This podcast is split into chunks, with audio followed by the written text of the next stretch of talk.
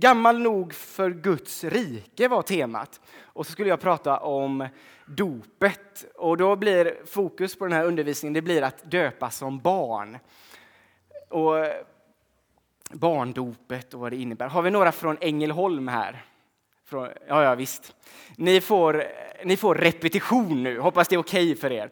För jag fick den här frågan och så hade jag precis, du ska prata, prata om barndopet. Och så hade jag precis pratat om barndop och vuxendop. Ja, perfekt. Eh, så ni får lite repetition. Men det är ju bra, har jag hört. Men för att ni ska, för att ni ska stå ut så är det lite extended version. Det står e- eftersnack där. Jag har lagt till lite grann. Så ni får hålla, ni får hålla liksom uppmärksamheten på topp, för på slutet kommer det nya för er. Så jag ska prata om då, eh, barndop. Och jag döptes 1984, den 2 december. Jag har pluggat in det inför det här. 2 december 1984. Och jag minns inte ett smack. Jag tror att det är så för de flesta av er. Så vad, vad, vad betyder egentligen den där, den där händelsen som vi inte minns någonting av? För mig är det, det enda gången jag är döpt. Men det är inte självklart för att när jag sen efter, i slutet på gymnasiet så kan man säga, det var då som tron blev på riktigt för mig. Även om jag var uppvuxen i kristen familj och vi gick i kyrkan och bad och aftonbön och sådär. Så i, i mitten på gymnasiet och eh, framförallt mot andra delen av gymnasiet, då blev tron verklig. Och eh, det var flera saker som hände, jag ska inte dra hela historien, men eh, jag fick erfara Guds ande på ett sätt som jag aldrig hade gjort innan. Och det fick mig att förstå att det här är inte sagor och legender, utan det här är på riktigt. Och den tiden var också en tid då jag började upptäcka att det fanns fler kyrkor än Svenska kyrkan som hade förstått saker som vi ibland har glömt i Svenska kyrkan, frikyrkor och så här. Så efter gymnasiet eh, så hade jag en frikyrklig tid. Jag gick med i en frikyrka i Göteborg som hette Destiny Fellowship. Ödets gemenskap. Sug på den. Vem vill inte vara med i ödets gemenskap?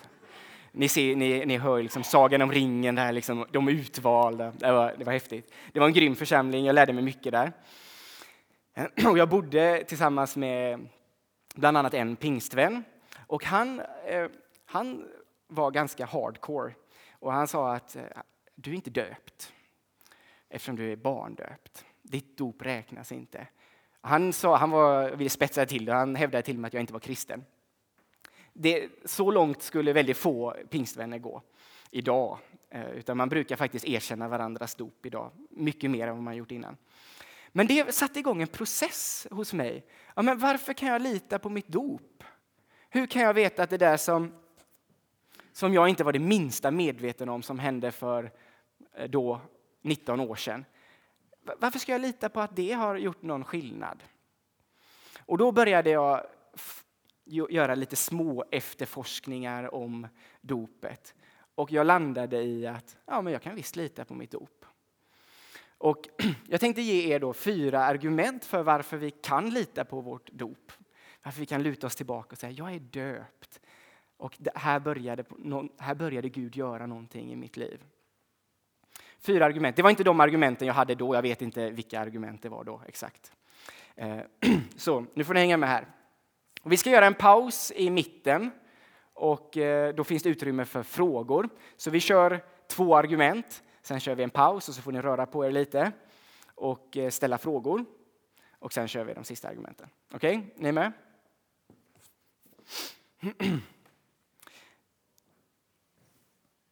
Och jag har använt lite källor här, om det är någon som är intresserad.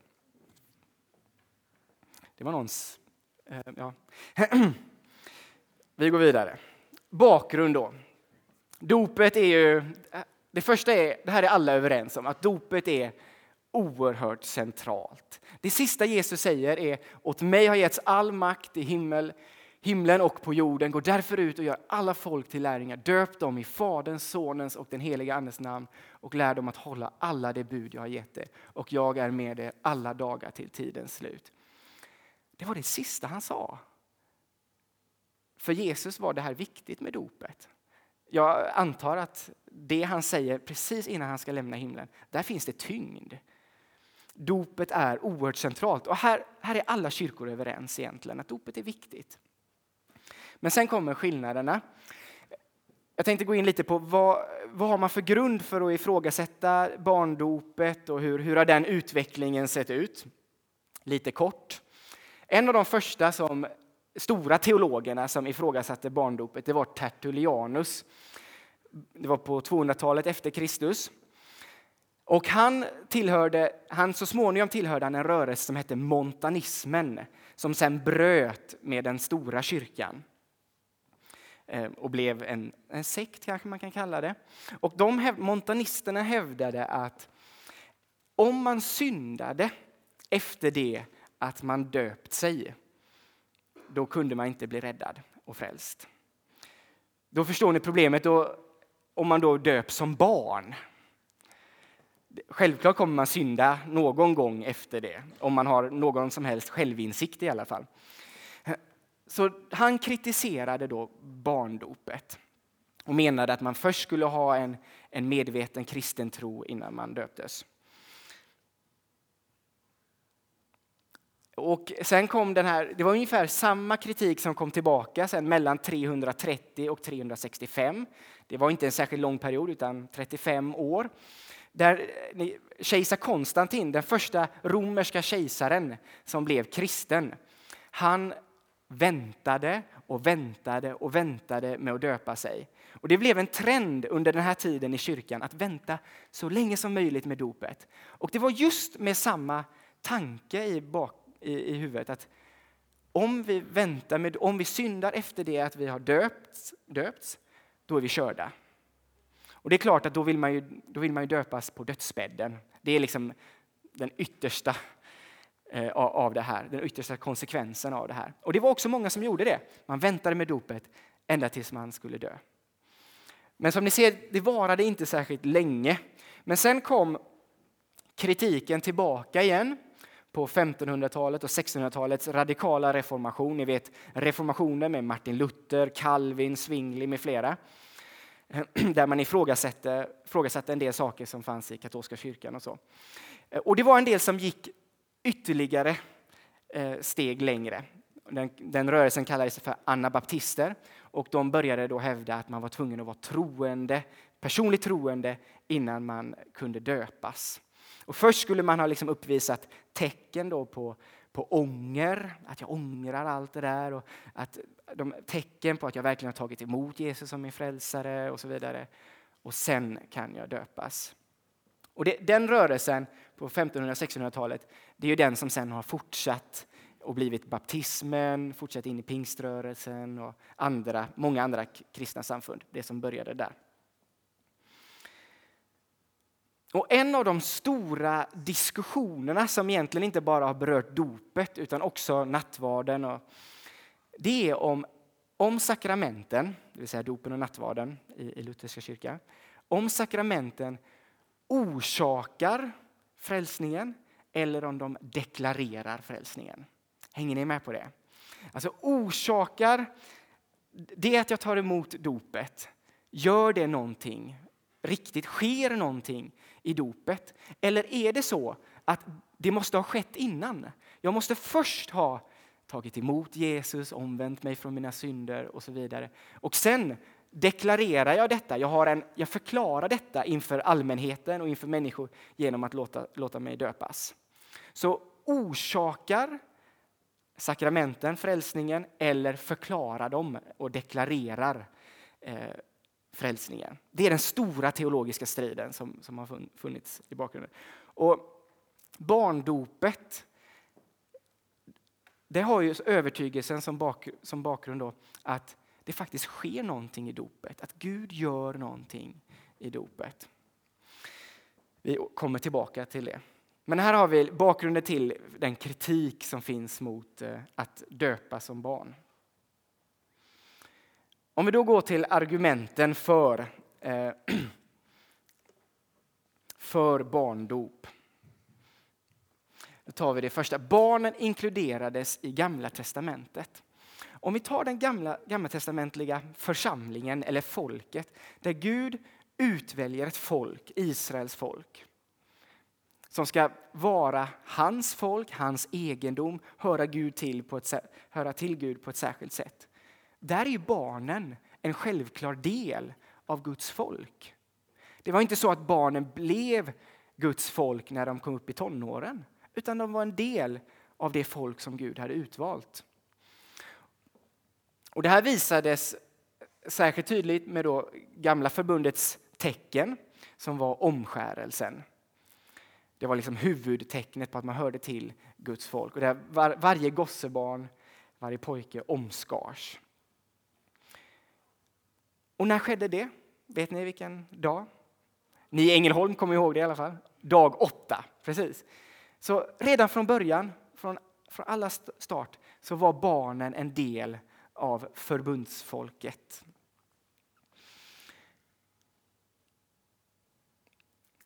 Och det, det här är, väcker frågan tycker jag hos mig. Om det är så då att barnen var en del av Guds folk på Gamla testamentets tid, varför skulle de inte vara det när Gud utvidgar detta folk till att gälla alla nationer, alla folkslag över hela världen? Skulle det nya förbundet som då vi får del av genom Jesu död och uppståndelse, skulle det vara sämre än gamla förbundet? I den bemärkelsen. Det tycker jag är en konstig tanke, eller hur? Så jag tror att barnen, om de inkluderades i gamla förbundet så är det naturligt att man tänker att de också inkluderas i nya förbundet som vi har fått genom Jesus. Och Det finns en koppling mellan dopet och omskärelsen. Omskärelsen var gamla förbundets tecken som var en, en blodig påminnelse om att, folk, om att folket hörde till Gud. Men Jesus har burit smärtan och lidandet. Han har gett det blodiga offret. Det behövs ingen omskärelse längre i den bemärkelsen. Men vi har fått ett nytt tecken och det är dopet. Och i Kolosserbrevet 2 så står det så här. I honom har också ni blivit omskurna, men inte som människor gör det, utan genom att bli av med den syndiga kroppen. Det är omskärelsen genom Kristus när ni begravdes med honom i dopet. I dopet har ni också uppstått med honom genom tron på kraften hos Gud som uppväckte honom från de döda. Här ser vi det jättetydligt. Dopet är det nya förbundstecknet som motsvarar omskärelsen i gamla förbundet. Vi har, vi har blivit omskurna men på djupet av våra hjärtan genom det som sker i dopet. Och då tycker jag det är oerhört rimligt att tänka att man döper barn eftersom omskärelsen var eh, av barn. Det var argument nummer ett. Argument nummer två är att jag tror att det, vi, det är bra om vi försöker tänka lite mer kollektivt än individualistiskt när det kommer till dopet. Vi är präglade från upplysningen så är vi präglade i att tänka i individualismens tankegångar. Att det som gäller är individen. Individen går före familjen och går före kollektivet och byn. Vad jag tänker, vad, vad, det är liksom det primära, det första. Men, och så har vår, det har format vår kultur. Men i den här kulturen så går ofta kollektivet före individen. Familjen går före individen, släkten går före individen. Så det är ett helt annat sätt att tänka på. Och om vi tar, det här blir lite historia, proselytdopet. Det finns ju många olika typer av dop i Bibeln. Vi har Jesu dop, Jesus döps av Johannes. Vi har då Johannes döparens dop som var ett omvändelsedop. Och sen har vi proselytdopet. Vad innebar det? Jo, det var när de som inte var en del av det judiska folket, de som stod utanför det folket som Gud hade utvalt, när de kände att vi vill faktiskt bli en del av Guds utvalda folk, det, då kunde de det. Och då fanns det någonting som hette proselytdopet, alltså de icke-judar som ville höra Gud till. De kunde, kunde döpas. Och då när man skulle då bli judar, eh, då var det hela familjen som döptes. Och det var ofta så att man, man gick ner, det var väl någon å eller något sånt där, man, det var med nedsänkning och så blev man judar. Och då var det i det hebreiska, hebreiska tänkesättet så talar man om bet som betyder hus eller hushåll. Och då var det om mamma och pappa bestämde sig för att då bli judar och höra, höra den, Abraham, Isaks och Jakobs Gud till, då var det hela huset som omvände sig. Det var inte så att eh, tolvåringen kunde säga nej, utan det var en självklarhet att alla tillsammans eh, blev judar. Då. Och jag tror att jag tror att det här är det som ligger till bakgrund för vårt dop. Det här, det här är liksom ursprunget som sen används i modellen när det kommer till vårt dop. Och det kan vi se, för när vi kollar i Nya Testamentet, likadant i Nya Testamentet där, ja, då står det på flera ställen i Apostlagärningarna till exempel att Lydia, Lydia, Lydias familj döptes, hon och alla i hennes hus blev döpta. Fångvaktaren döptes med hela sin familj. Stefanus med familj döptes. Det var just den här tanken att en hel familj tog emot Jesus. Och alla, alla hakade på. Och jag är förmodligen, alltså med största sannolikhet, så fanns det ju barn i de här hushållen, eller hur? Av olika åldrar. Kanske från spädbarn till tre, fyraåringar, femåringar, sexåringar. Och det var naturligt för den första församlingen att alla döptes.